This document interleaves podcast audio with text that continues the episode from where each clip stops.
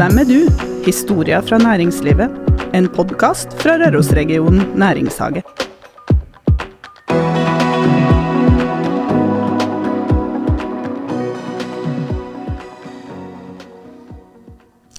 God dag, eller god aften. Jeg vet ikke når du hører på dette. Velkommen til den eh, fjerde podkasten i rekken fra Rørosregionen næringshage. Og hjertelig velkommen til Hege Biermann. Tusen takk. Eh, vi har eh, Første gang jeg kom til næringshagen og begynte å jobbe der, det er drøyt to år siden, så fikk jeg en merkverdig informasjon.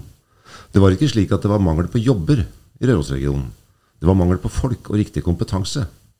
Det er jo grunnen til at vi har flere og flere som kommer hit, som kanskje ikke bor her ennå, men som må komme hit, og som vil komme hit fordi de har fått jobber. Det er jo helt strålende. Aller først et lynkort spørsmål, Hege. Hvor rart er det å komme til Røros til en ny kultur? Kanskje, jeg vet ikke. Eh, ny kultur er det vel kanskje ikke, men det er definitivt forskjell på eh, by og bygd, ja. Altså, så kanskje man kaster litt sånn eh, Tråkker i bare ved å si bygd, men mindre plass, da. Mindre by.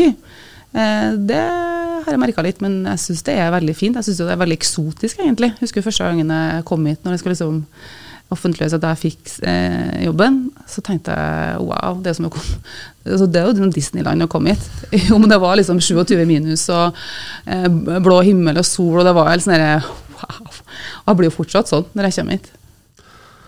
Det er det, vet du. og Jeg har bodd her i 40 år og jeg føler det nesten likedan. Men nok om det. Kristin, Rørosregionen næringshage, hva driver vi med for tiden? Er det en liten nyhet?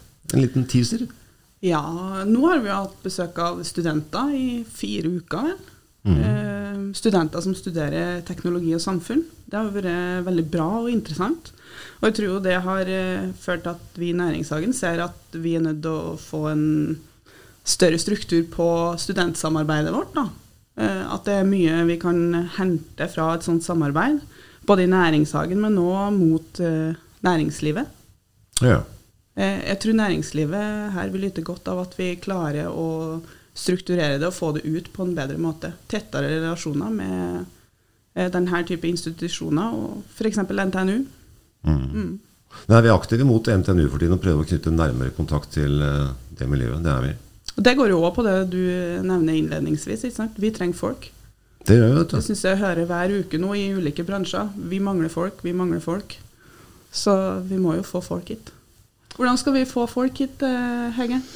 Å si det eh, Jeg er jo et eksempel på det.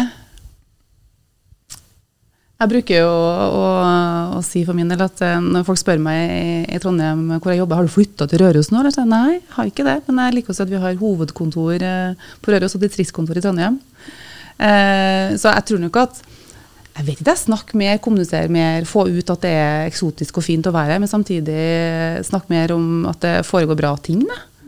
Jeg tror det er litt sånn det som kanskje kan trekke folk, og så må det nå gjøres eh, mulig, da, eh, å jobbe her.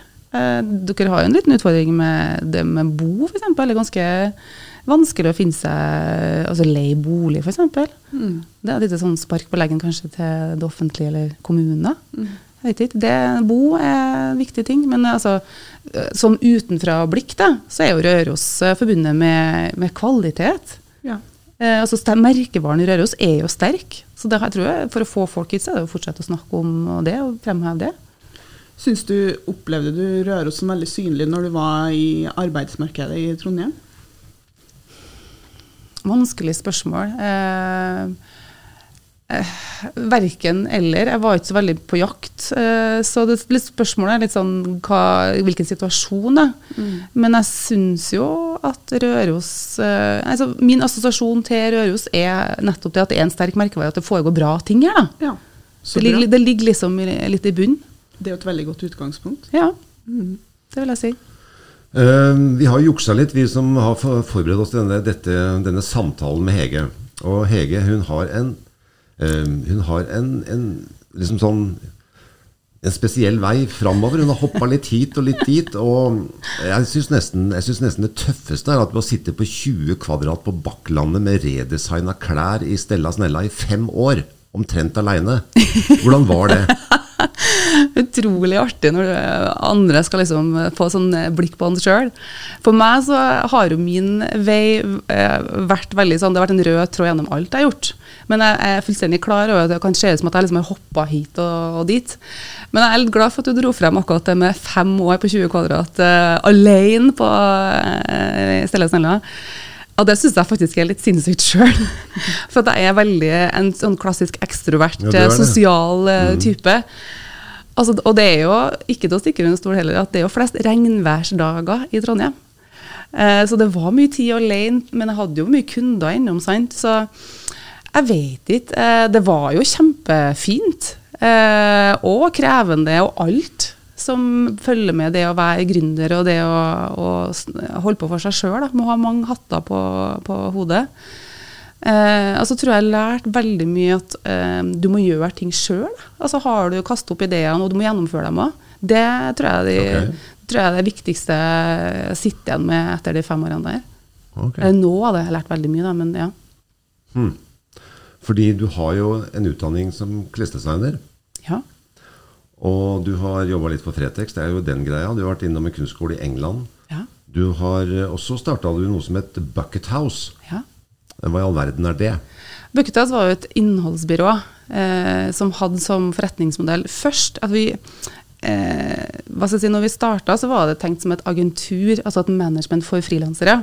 For jeg har jo jobba både altså, Apropos hatter, ulike hatter på hodet. Jeg har både vært frilanser og har jobba på markedssida, eh, jobba på kundesida innenfor kommunikasjon. Da. Eh, så så jeg et veldig behov for at det er veldig mye dyktige frilansere som sitter liksom på hver sin tue. Eh, så så jeg men hvordan om vi prøver å samle det her mm. under en paraply. da. Ja, riktig. Så det var kongstanken egentlig til Så det var et agentbyrå på sett og vis? Ja, det var det. Okay. Og så så jeg at uh, det var mye bra ved det. Men så, med, så jeg så etter en liten stund i drift at her må vi, vi må videreutvikle konseptet og forretning, gjøre om forretningsmodellen. Så da gjorde jeg om det egentlig til å være et management eller et agentur til å bli et innholdsbyrå. Mm. Mm. Hvilke andre skuespillere enn Liv Ullmann var det du møtte i Toronto? Å, oh, har du hørt på gjort research, du, så er imponert. Uh, Al Pacino så jeg faktisk. Ok. Oi, oi. Ja. det visste det måtte være. Det måtte være en. Men det var, på, det var, på, avstand, da. Jo, jo. Det, det er all good. Men, uh, men må, vi må jo da forklare samtidig, eller du må forklare samtidig hvorfor var du der, veldig kort. Du, jeg har jo gjort mye rart, men jeg jobba som filmdistributør. Og hva er noen filmdistributør? Det, det, sånn, det, visste ikke jeg før jeg hadde begynt i jobben heller. Men det var en veldig kul jobb. Eh, jeg, det, det, handler om egentlig å kjøpe inn filmer fra det, fra det internasjonale og nasjonale markedet og få det på kino. Veldig kort fortalt. Mm. Og da besto jobben i å reise en del, se masse film, og så eh, forhandle om rettigheter for å få det på norske kinomarkedet, og festivaler og diverse. Ja. Mm, så da var jeg så heldig at jeg fikk eh, reist på en del filmfestivaler. Vært i Cannes. Har du vært på Sundance? Nei. Det var det, det ja. Okay. Men eh, Cannes og Toronto, det duger? Ja da. eh, og så da glir vi inn i Vi har en liten sånn fast runde som vi spør alle om. Og Motor. Hva er din indre motor? Er du en skaper mest, eller en gjennomfører mest? Begge deler. Du er begge deler? Ja. Sjelden miks? ja. Uh, nå jobber du som daglig leder i Ren Røros Frontal. Mm. Uh, hva er de største utfordringene, eller hva er de største mulighetene de største mulighetene Ren Røros Frontal har i et marked? Akkurat nå så er vi inne i en uh, veldig spennende og krevende alt det som følger med en strategiprosess. Og det er jo både for konsernet, men også sjøl også. Og så har vi jo en ambisjon om at vi skal vokse uh, inn i nye marked. Vi skal vokse inn i Trondheim. Så det er jo en utfordring og en mulighet, begge deler, vil jeg si. Det er jo kjempespennende.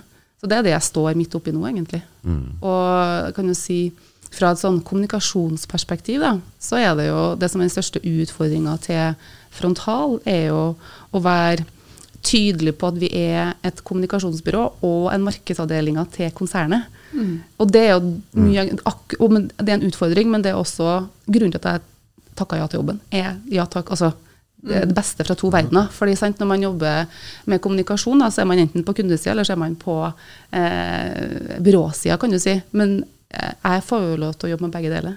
Og det syns jeg er dritkult. Så dere skal faktisk være en eh, altså sånne elmotorer, eller en hybridbil, da? Dere er den lille elektriske motoren i Ren hos dere? Ja, det kan du si. Eller den brobyggeren for å Mm. få ting til å skje på tvers, da, kanskje. Ja, riktig. Mm, Eller tolk, eller altså, det er forlenga arm. Det er mange ja, Ja. metaforer vi kan bruke her. Mm. Mm. Mm. Det har ikke jeg vært klar over. Det har ikke jeg skjønt. Det. Da var det på tide. Ja. Forrige gjest vi hadde, hadde jo òg ganske klare tanker om eh, hva god kommunikasjon er. Marie eh, hadde jo mye å si om det. Det hadde hun. Men eh, Hege, ja. hva er god kommunikasjon, tenker du? Dropp jåleri og vær tydelig. Ja, Det var jo det samme som Marie sa. Ja. Mm. Altså Jo, men jeg er litt sånn Altså, hold det enkelt, da. Ja. Kall en spade for en spade. Jeg syns det er så mye eh, det er, det er veldig mye tendenser til at man skal på en måte ikle seg eh, hva skal jeg si da, fancy formuleringer, og man skal name-droppe buzzord, eller altså man skal Mm. Ja, litt sånn keiserens nye klær. Det, Ja. det er ikke jeg noe glad i. Nei, Ja. jeg er enig. Og så var vi så fri, eller vi er så fri hver gang at vi sender eh, våre gjester en liten liste med noen spørsmål. Og så svarer de. Hege har svart eh, nøkternt, konkret og ganske kort. Så på vårt spørsmål 'Hva er du redd for?' så svarer hun skriftlig da, i forkant en uke før. 'Å miste engasjementet og driven min'. Eller driven min. Det er, det, det, blir på, det er likt på norsk og engelsk, det faktisk. Men da er jo spørsmålet Vi går litt grann skritt lenger. Leserne eller hørerne vil gjerne bli litt bedre kjent med deg som person òg. Men sånn personlig, hva er du mest redd for eh, hvis du går litt sånn mer personlig til verks? Altså, jeg tror det, det mest grunnleggende er jo familien min. Eh, hvis du skal, det er jo det viktigste. Den innerste. innerste. Det, vi må begynne med det. Ok. De aller nærmeste. Ja. At noen, noe skulle skje med dem. Mm. Det tror jeg bio, må være iboende hos alle, tror jeg. Um, så er det dem som er glad i. Det skal skje noe med dem som er glad i, rett og slett. Men i, i verden, da. De gangene du blir redd på egne vegne, Mm. hva er det som skjer rundt deg da? Hva tenker du på da? Jeg tenker helt åpent, har ikke peiling. Jeg spør deg. Jeg. Ja, altså meg sjøl satt i en kontekst hvor noen ting skjer i verden. Eh, Ok, et eksempel, faktisk. Eh, Nå, jeg hører på en del podkaster, jeg syns det er veldig fint. Jeg får det litt sånn ekstra stas å være her, da. Har du hørt på den her før? Nei, jeg har ikke det ennå. Ja, da må du gjøre det. Ja, skal det. Takk Ja. for tipset. Ja, veldig bra. Nei, akkurat nå så uh, har jeg hørt uh, en, en del på podkaster om det med mangel på personvern i den digitale sfæren, f.eks. Mm. Altså med Facebook som uh, er ute og får virkelig kjørt seg. Ja. Eh, det er et tema som jeg syns er Som gjør meg litt skremt, faktisk. Mangelen på personvern innenfor eh, akkurat eh, sånne ting. Jeg så en, en veldig interessant dokumentar laga av en trønder faktisk for ja, rett før covid brøt ut iHuman. Ja. Som han, har du sett den? Ja. Ja, og den er utrolig god. Mm. Jeg var så den på, på Kosmorama med også en Q&A hvor hun, Tonje Hesten Skei eh, hadde ja, svart. Og det var sterkt, altså, Mm. syns jeg. Så det, det at vi, det ikke reguleres eh, det med Altså, vi har ikke noe personvern, egentlig. Nei. Det er noe ting som gjør meg bekymret, da. Og det Mm. tror ikke jeg vi har eh, begynt å se konsekvensene av ennå. Det tror jeg du har veldig rett i. ja. Mm. Eh, For fem år siden så gjorde jeg masse søk på CIA og KGB og 1030 ting. Og da gikk LinkedIn-sjekkinga mi opp med sju, og det var PST, og det var Forsvaret, og det var alle sammen. De, vet, de visste nøyaktig hva jeg gjorde hele tiden. Ja. Så jeg tok en avsjekk med en kompis som advokat. Hva kan jeg si og gjøre? Slapp av, sånn. Og så hadde jeg, så hadde jeg en kilde som var kjempekriminell, som jeg satt inn for fem år. Den må ha blitt av telefonen en kort periode. Hvorfor vet du hvilke penger som lå i bånn til denne personen jeg hadde som kilde? Nokas-ranet. Så da var telefonen min kjemperar i noen uker. ja. Hvordan da? Hvordan da? Nei, den, På ekko? ekko kødd og ja, rare ting. Ja. Så tenkte jeg, Det spiller ingen rolle, tenkte jeg, for jeg vet ikke hvor Nokas-penger er. Det er sånn skrekk. men merker du, har ikke opplevd at jeg får uh, si, Siri på telefonen min og, og sånn slår jo seg på støtt og stadig. Sånne ting er meg litt redd, faktisk. Det gjør det for meg Ja. på nye telefonen. Hva Ja. faen er det, tenker jeg. Ja, og det er litt sånn, det gjør meg redd, og så syns jeg jo at det er fantastisk å ha de her mulighetene òg. Så det er litt sånn, Ja. om vi skal kalle det skrekkblanda fryd, eller eh, ja. Det er litt sånn uh, ambivalent forhold til den teknologien. Eh, Læring går i trappetrinn. Kan du kjenne deg igjen i det? Ja, definitivt. Fortell om ett stort trappetrinn på læring. Oh, det er ikke bare ett, altså det er jo, her er det så mange. Eh, men jeg tror eh, Ja, gud, hva skal man velge da? Eh, noe av det viktigste som er, var litt sånn veiskille, tror jeg, hvis vi skal ta litt sånn jobb og liv og altså veivalg, da, så husker jeg veldig klart når jeg liksom gikk på videregående og skulle gå over i voksenlivet, så var det litt sånn OK, hva skal jeg bli når jeg blir stor, da? Eller hva skal jeg velge? Og da husker jeg det sto etter en del eh, tankevirksomhet Skal jeg gå kunstnerveien, eller skal jeg gå liksom den eh, reklameveien? Det var liksom det som sto klart for meg. At det var de to valgene som jeg sto, hadde lyst til Eller sånn jeg hadde eh, interesse for. Og så valgte jeg kunstnerveien, da. Eh, men endte opp eh, kanskje på den andre sida. Og hva skjedde imellom der? Eh, altså om, det, om det er et stort trappetrinn eller så Det har vært kanskje mer en prosess, da. Men jeg, jeg tror at jeg har en sønn på tolv år som er nysgjerrig og som spør mye. Og jeg, det som jeg ønsker å formidle til han, og kanskje eh, andre, at det er ikke så farlig veien blir litt til mens man går. Det er ikke, du trenger ikke å Ingenting blir hugd i stein, selv om at du velger på en måte én vei å gå. Det, ting, ting utvikler seg naturlig hvis du bare eh, tørs å prøve, da. Eh, jeg vet ikke om det var tydelig. Jeg tror jeg, Det som livet har lært meg, er at jeg ikke har vært redd for å ta noen hopp. Ok. Eh, F.eks. den eh, stillingen som filmdistributør. Da. Altså, jeg signa kontrakten på en fredag, og mandag sto jeg foran 100 kinosjefer og presenterte eh, katalogen vår. på en måte.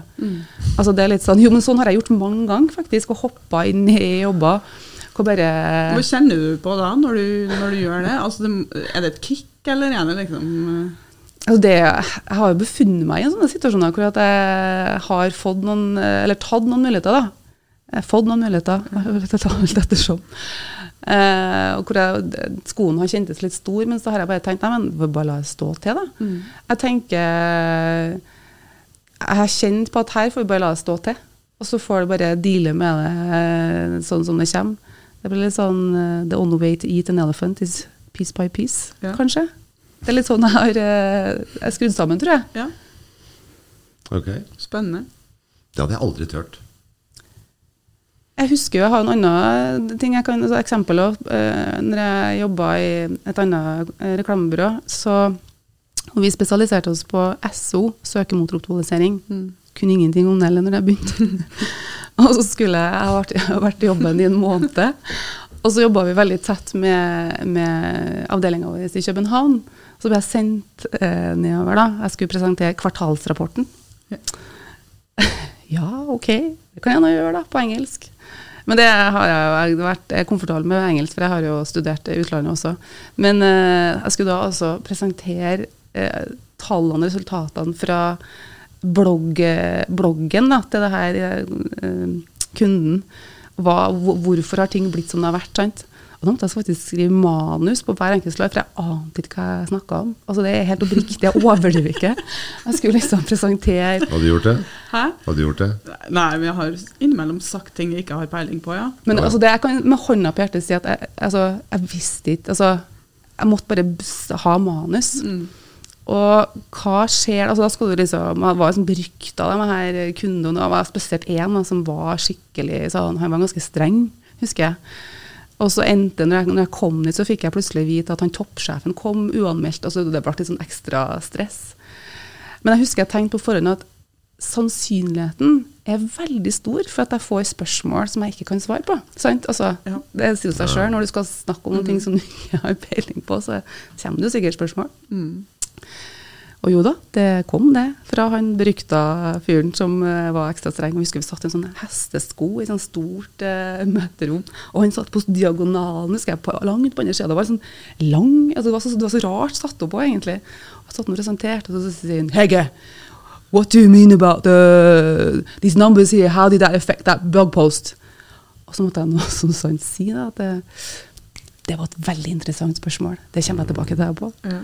Og Ble han forbanna da? Hæ? Ble han sint da? Nei. Kjøpte skulle- det? Ja. Ja, det Og det tenker jeg, men da hadde jeg, men det, det som er viktig å si da, i en sånn sammenheng, er at jeg visste jo at det kom til å komme spørsmål. Og det tror jeg er Jeg skal driste meg til å si at det er et godt råd, faktisk. Å si eh, Hvis du får et spørsmål som er veldig vanskelig eller krevende, Ja, så er det, er det Og det her er sikkert, dere vet jo sikkert det her, men det å prøve det i praksis og si at du, det var et veldig bra spørsmål, men nesten kom tilbake til deg på, på det. Kåre Willoch kaller det. Han sa nei, spørsmålet er godt, men det er litt feil stilt. Og så stilte han et nytt spørsmål som han likte, og så svarte han. Jeg prøvde, jeg prøvde med et kompliment, jeg, da. Altså. det det det. Ehm, du har uh, oppdaget på et eller annet tidspunkt hvor eh, store menneskelige forskjeller det er mellom folk eh, rundt forbi. Ja, på mange forskjellige områder. Og så er det en bok uh, som har vært en svenske som skrev for noen år tilbake, 'Omgitt av idioter'. Og da er jo spørsmålet hvilken idiot er du? Er det den gule, grønne, blå eller rød? Jeg tror jeg er, Nå har ikke jeg lest den boka, den står på lista mi. Eh, men jeg tror at jeg er en litt sånn utypisk eh, personprofil. Jeg har okay. jo tatt noen sånne tester. Og ofte når man er liksom høy på entusiasme og eh, opp det kreative oppi her, og så skal det jo gjennomføres og være grundig, det er ofte gjerne de to motsetningene. sant? Eh, jeg tror fordi at jeg har vært eh, Jeg er en sånn krysning, da. Jeg er en hybrid mellom de her to. Ja, det Eh, høres rimelig ut. Ja, men så er det liksom, det som er litt spennende med sånne personprofiler òg, er jo at eh, det kan jo endre seg litt i hvilke faser du er, hvilke typer jobber du har. Og jeg tror at den, det resultatet fikk jeg når jeg akkurat hadde vært gründer og gikk inn i en virksomhet, jobbet, begynte å jobbe i et konsulentselskap. Da hadde jeg mått, jeg måtte både være kreativ og gjennomfører og være nøye.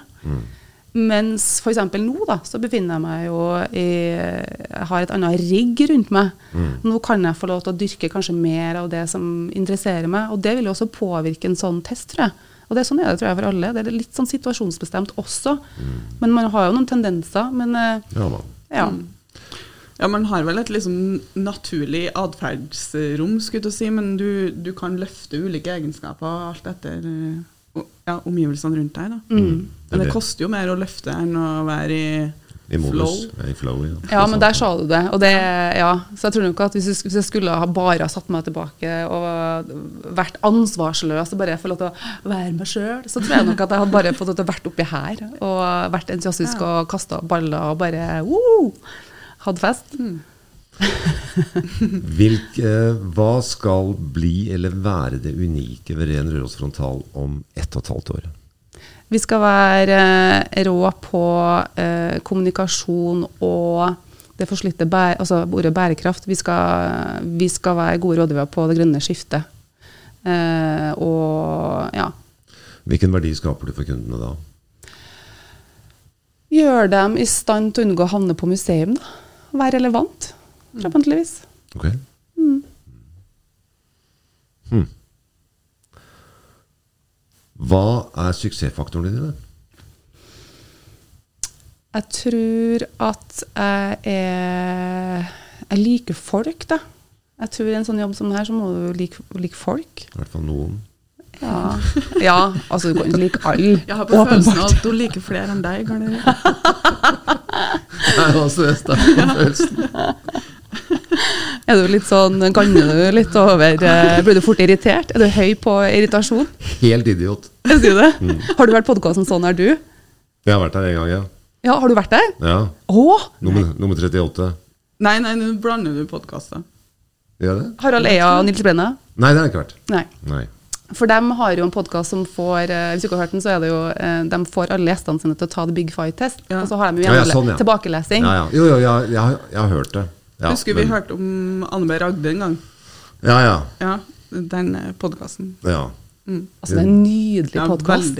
Altså, det er som en sånn godtepose som du kan bare plukke her. Ja, ja, altså, det er helt ellevilt. Anne Lindmo sin eh, For en Ja, det, er, dame. det er veldig bra. Han hørte jeg på Nina Lykke på vei hit i dag, faktisk. Ja. Hun var jo helt uh, Hun sprenger skalaen. Og det er en veldig sånn taggete profil. Det syns jeg er fascinerende. Ja. ja jeg slår ut 80% på nevrotisisme. Ja, gjør du det? Mm. Helt ekstremt. Wow. Det er fordi jeg er full av ja, alt mulig rart. Da. Så sånn er nå det. Interessant. Det vet jeg ikke, men eh, det er som det er. For meg så syns jeg det er sånn interessant. ja, det er veldig interessant. Ja. Det, er, be- det er bra vi er et team. Jeg slår ut veldig lavt på det. Du, er på null omtrent, du. Ja. Jeg er på 80. Så, så hadde jeg søkt jobb og tatt Big Five, hadde aldri fått den. Tror jeg ikke. Altså Hvis man hadde brukt Big Five som Ja, det Ja, ja. hadde vært veldig interessant å sende deg inn i det her eh, Sånn er du-programmet. Det, det tror jeg hadde vært veldig bra. Men jeg har tenkt så mye på det at jeg, jeg, det hadde gått veldig veldig fint. Jeg, jeg syns det er dritspennende. da. Ja, det- Ja, så det er jo helt fint. Så det er ingen spørsmål som er feil, feil eller rett, vet du. Nei, nei, det er selvfølgelig ikke. Nei, nei. Men det er jo også Men når man blir stilt spørsmål, så er det alltid grader av bevissthetsnivåer hvor man svarer fra. Ja. Der, eh, Det hører man veldig lett når man hører mye podkast. Ja. Men jeg har juksa, da, for jeg driver og skriver i 30 år, så jeg har tenkt mye på sånne ting. Og en med andre, vet du. Skjønner. Det er det. Så da er spørsmålet nummer et eller annet. Jeg, hva har vært lettest? Å ikke være redd og bekymra. Ja, Lucky you. jeg kan relatere til det òg. Det er to av dem her, og er helt i andre enden. Du skår, ville ha skåret høy på nevrotisisme, med andre ord i en Big Five-test. Ja, jeg sier det. Jeg har jo tatt den. Ja, du har det. Ja, ja, så- jeg har ikke gjort det, må jeg kanskje gjøre det. 80% Og så har jeg lest boka til Nina Lykke. Ja. En av de få gode, gode norske bøkene jeg har lest på de siste 20 åra. Ja. Den slukte jeg faktisk. Den var jævlig bra. Ja. Slutta jeg teit, da, men den var kul fram til side 240. Blir du redd av å være med folk som ikke er redd, Karl Erik? Eller blir du rolig da? Nei, da ble jeg rolig. Ja, Ja, så bra. da ble jeg rolig. Vi treene burde egentlig dra på tur, vi ja. Ja, ja. Jeg er med. Ja. Ok. Hvordan har dette vært, da? Eh, det har tatt meg fremover og gjort at jeg har turt å ta noen sjanser, da, Mm. tror jeg. Altså ref det jeg snakka om i stad. Det er det som har gjort at jeg har turt å eh, signere en arbeidskontrakt på fredag og stå foran 100 pers på, på mandag. Mm. Eh, det er jo ikke sånn at jeg er uberørt i sånne situasjoner. Jeg kjenner jo harehjertet dunke og svett i, i håndflatene og Ja. har lyst til å prestere. Ja, ja. Men jeg tenker at eh, må tørs, og det er bedre å angre på noen ting man har gjort, enn ting man ikke har gjort. Det er liksom, og Ikke for å være hasardiøs, men jeg tenker det, det er livet for kort. da, Å la være å, å prøve ting. ja. Godt poeng. Viktig lærdom av det. Jeg tror, eh, det var noe av det du lærte meg når jeg starta som fjelltrainer. Karl Erik. Da hadde jo du ansvaret for meg. Mm. Og jeg husker liksom en av de første samlingene vi hadde med fjelltrainer. Da sa du til meg du må tåle å drite litt på draget. Det Ok. lærer du av. Ja. Og det er veldig, veldig sant. Mm. Det er jo ikke farlig. Nei, det er ikke det. Syns du det er farlig? Nei. Nei. Du er ikke redd for å Nei. feile? Nei. Jeg er veldig uredd samtidig, skjønner du. Ja, for det er jo veldig interessant at du sier, når du sier at du egentlig Ja, ja. scorer høyt på nevrotisisme, så er du ikke redd for å feile? Men jeg er redd bare for sånne teite ting. Da. Fly og heiser og sånn type angst og opplegg med den gata der. Men i forhold til å tørre noe i verden, jeg er kjempeuredd. Ja. Tør alt mulig. Ja. Så bra. Ja, det er kjempebra. Så er det jævlig morsomt. Ja. Men du Hege, Ja. hvis du, du som kommer utafra nå da, og har kommet inn i Røros, altså hvordan opplever du næringslivet i regionen? Hva syns du kjennetegner næringslivet i regionen, sånn som du har blitt kjent med det hittil? Og hvilke muligheter ser du da? Jeg ser masse muligheter. Jeg har sånn skurrer i stemmen her nå. Jeg ser masse muligheter. Eh, og jeg opplever jo for det første at eh, de kundene og de, altså de kundemøtene jeg har hatt, at folk er veldig åpne. Raus, vil jeg si. Det er litt sånn gjennomgående. Det tror jeg kanskje er en litt sånn en, en tendens, en forskjell fra kanskje i Trondheim da, eller Oslo eller litt større byer. Der er man kanskje enda litt mer skeptisk. Eh, nei, jeg syns eh, Jeg syns at de har, vært veldig sånn ja, åpne og lydhøre for å treffe Altså å slippe inn noen utenfra og inn. For jeg er jo litt sånn Ja. utenfra, sant? så det tror jeg kanskje er det som slår meg først. Mm. Etter Nå har jeg jo vært der Altså, jeg begynte jobben 1. mars, da. Mm. Mm. Men du, en fugl har jo hviska meg i øret, Kristin, at du har jo hatt eh, den stillingen som jeg har nå. Ja. Hvor lenge siden er det? da? Jeg har ikke gjort researchen min, Jo, jo, som en Erik. da, Men, ja, det er kjempelenge siden. ja. Um, januar 2012. 2012? Ja. Men jeg var ikke så lenge, da. Jeg var ikke et år engang, tror jeg. Eller jo, jeg var et år, men jeg jobba ikke 100 på slutten. Så kult, da. Ja, jeg jeg, jeg starta jo Rørosmad etterpå. Jeg syns det var veldig vanskelig å være i den bransjen. Ja. Jeg syns det var en vanskelig bransje der jeg var da, i hvert fall. Og med det jeg kunne. Jeg syns det var kjempevanskelig. ja. Eh, så jeg gikk jo ifra kommunikasjon til mat, mm. som er litt Jeg opplevde det som vesentlig mer nede på jorda. Og det syns jeg var Det, det var enklere. Ja. Ja. Eh, Ikke hørtes feil ut, kanskje. Nei, Nei. nei, nei. Men på en måte Ja, det var en, enk, en enklere startbransje, da, for Ja. min del. Du fikk jo noe veldig konkret å henge markedskommunikasjon på. Ja. Det blir mye lettere. Det er jævlig spissa, tror jeg. Men så tror jeg egentlig ikke det var min heller, egentlig, skjønner du. Nei, okay. Nei, nei. nei, Man eh, utvikler seg jo og lærer man som man uh, går. Du fikk til det også, Mata. Ja, så hadde du ikke prøvd, så hadde du ikke funnet at du ikke likte det heller. Det og det er sant. bedre å angre på ting man har gjort, enn ting man ikke har gjort. Men Det er det eh, faktisk. Ja, men Tenk deg om du har sittet nå og egentlig hatt en sånn romantisk drøm, eller en, eh, et, et Jo, men helt oppriktig, hvis du hadde kjent at åh, det har jeg sikkert uh, vært dyktig til, det hadde jeg lyst til Ja, å gjøre. Altså, for det er en sånn ting som jeg spør meg om jeg er redd for, så er det akkurat det, det å, være, å sitte og ha ting ugjort som du Ja, har lyst til å gjøre. Det tror jeg ikke at jeg Nå høres det ut som at jeg liksom gjør alt som jeg har, eh, har tenkt, men ja. kunne du ha tenkt deg å hoppe over i en helt annen bransje da, og tatt med det du har lært, eller det du kan fra den veien du har gått hit til, og putta det i en helt annen innenfor helt andre rammer? Ja. Altså, ja. For det kan jo være veldig spennende, tenker jeg. Ja, jeg tenker jeg utelukker egentlig ingenting. Eh, må, måten jeg tar eh, jobbvalg på, f.eks., eh, er jo Jeg tror nok jeg er veldig sånn verdidrevet. Mm. Og så er jeg veldig opptatt av hvem er det jeg jobber sammen med, og for. Mm. Folk. Okay. Altså, ikke nødvendigvis at jeg skal være så innmari idealistisk. Eh, men jeg liker jo å tro at jeg er det også. Og det må jeg bare si i forhold til det med å Du kom fra den bransjen her da, som er eh, litt sånn, hva skal jeg si Vi, vi skaper kjøpeønske og kjøpepress, eller det er det som man tenker om markedsføring og kommunikasjon. Da, men det å få lov til å jobbe med kommunikasjon i et litt sånn en eh, større eh, mening Verdi, verdidrevet mot verdiskaping. Ja, i verdiskaping, tenker jeg, altså for meg, så det å, og nå høres det sånn flosklete ut, men det er oppriktig, det å gjøre verden litt grønnere, da, det syns jeg er, det synes jeg er et privi- privilegium, faktisk. Okay. Eh, og det å få lov til å, å jobbe, å kombinere faget mitt med å, jobbe jobbe med en virksomhet okay, som er verdidrevet. verdidrevet. Ja, riktig. Sant? Skjønner. Altså, like, selvfølgelig, profitt, hvis du skal ta verdi og profitt, det, det er jo fint hvis vi kan eh, Vi må tjene penger, ellers blir det aldri grønt. ja, hvis ikke så blir det Hva heter det? Eh, charity, altså veldedighet. Det, er- det er ikke det jeg driver med. Nei, det er ikke det, vet du. Men ja, få lov til å jobbe med faget sitt og jobbe med noe som føles eh, gir noe mening til litt en større helhet, det syns jeg er fint. Mm.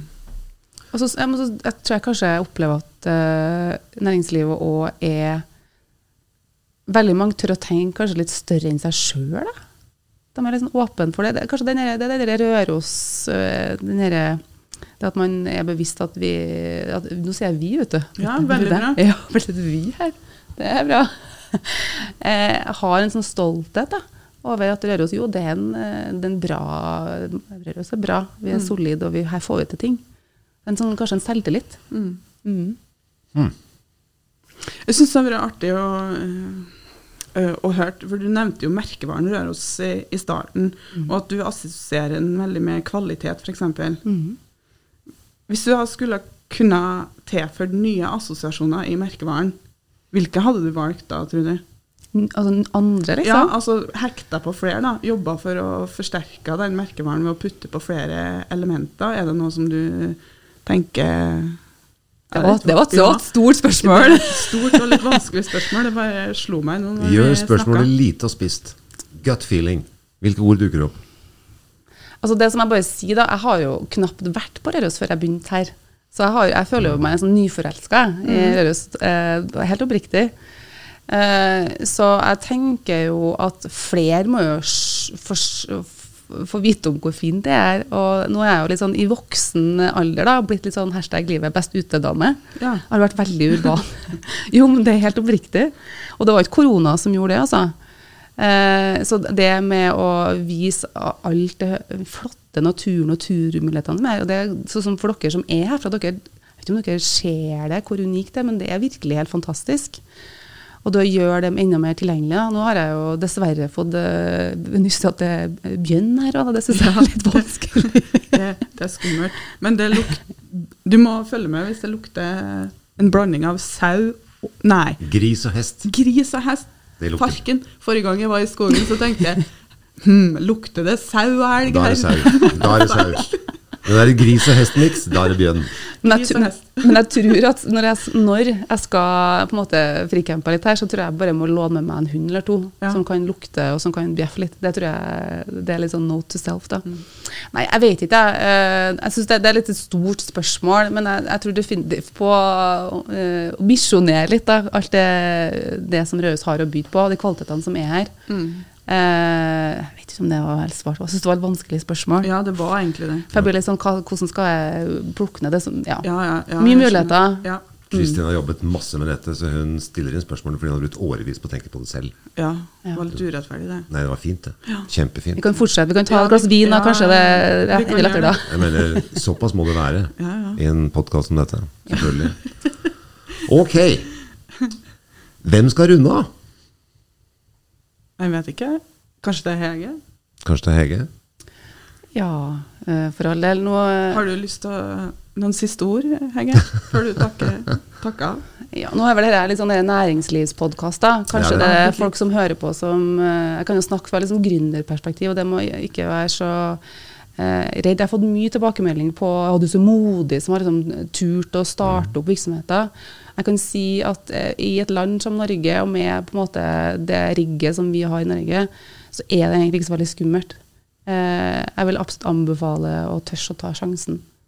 For det finnes jo veldig mange gode støttespillere, som f.eks. en Næringshage. Oh. Nei, men det var, Jeg skulle tro det var sånn avtalt Ja. spill, men jeg mener det oppriktig, da.